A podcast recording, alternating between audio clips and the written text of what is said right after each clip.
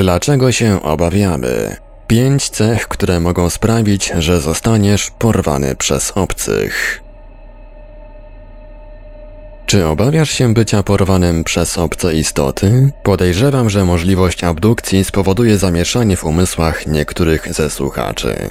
W końcu wielu ludzi na całym świecie twierdziło, że zostali porwani przez obcych, zabrani wbrew swojej woli na obcy pojazd kosmiczny lub w zamknięte miejsce, przepytywani lub badani fizycznie i że przypominają sobie te doświadczenia świadomie lub przez metody takie jak hipnoza. W rzeczy samej wielu z ludzi twierdzących, że padli ofiarą abdukcji wydaje się szczerych, zdrowych umysłowo, niecierpiących na psychozy. Czy więc ich doświadczenia są rzeczywiste, a twierdzenia o byciu porwanym są prawdą? Profesor Rich McNally i jego współpracownicy z Harvard University spędzili ponad 10 lat na badaniu psychologii ofiar wzięć przez obcych, w szczególności zaś tego, dlaczego niektórzy ludzie przyjmują tożsamość ofiary abdukcji przez obcych. Jego badanie określiło wiele cech posiadanych przez wziętych przez obce istoty, które jego zdaniem mają wkład w doświadczenia z wzięcia, jakie sobie przypominają, jak też w ich silną wolę do przywiązania się do ich poglądu, że to obcy ponoszą odpowiedzialność za ich doświadczenie abdukcji. Przyjrzyjmy się każdej z tych pięciu poszlak. Cecha pierwsza. Regularne doświadczanie paraliżu sennego i halucynacji po przebudzeniu. Wiele osób, które zgłosiły wzięcie przez obcych, cierpi na wczesne poranne paraliże senne. Po wybudzeniu się z tego paraliżu ich strach powoduje powstawanie halucynacji błyskających świateł i brzęczących dźwięków. Niektórzy doświadczają uczucia latania po pokoju lub dostrzegania w nim postaci, podczas gdy jedni mogą interpretować te doświadczenia po paraliżu sennym jako fantazjowanie, niektórzy interpretują te przeżycia jako postrzeganie postaci, duchów lub obcych istot. Cecha druga.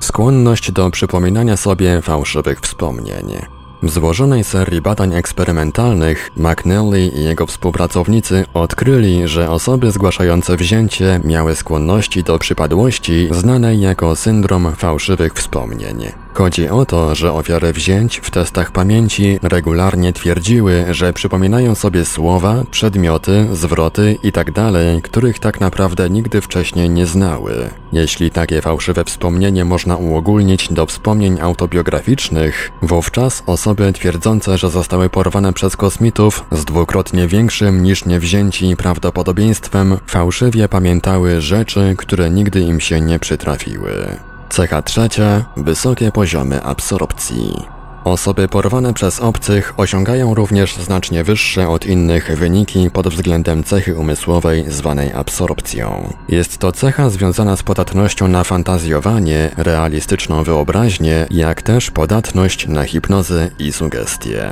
Z tego powodu być może nie stanowi tajemnicy, że wiele osób porwanych przez obcych przypomina sobie doświadczenia w stanie hipnozy, gdzie wspomnienie z abdukcji można zaindukować poprzez sugestie. Szczególnie jeśli osoba Osoba przeprowadzająca sesję hipnotyczną zadaje szczególnie nakierowujące pytania dotyczące porwania. Cecha czwarta wiara w nową erę. Bycie wciągniętym na pokład statku kosmicznego przez promień podnoszący lub źródła światła to nie jest coś, co zdarza się codziennie. Nie jest to również łatwe do wyjaśnienia w ramach naszej obecnej wiedzy o fizyce. W podobny sposób bycie poddanym imaginacyjnym zabiegom medycznym wymaga tendencji do przyjmowania nietypowych i niemainstreamowych idei. Taką cechę posiadają również ofiary wzięć przez obcych. Osiągają wysokie wyniki, jeśli idzie o tworzenie magicznych idei i popieranie pomysłów New Age, które obejmują poglądy dotyczące alternatywnej medycyny i uzdrawiania, astrologii i przepowiadania przyszłości.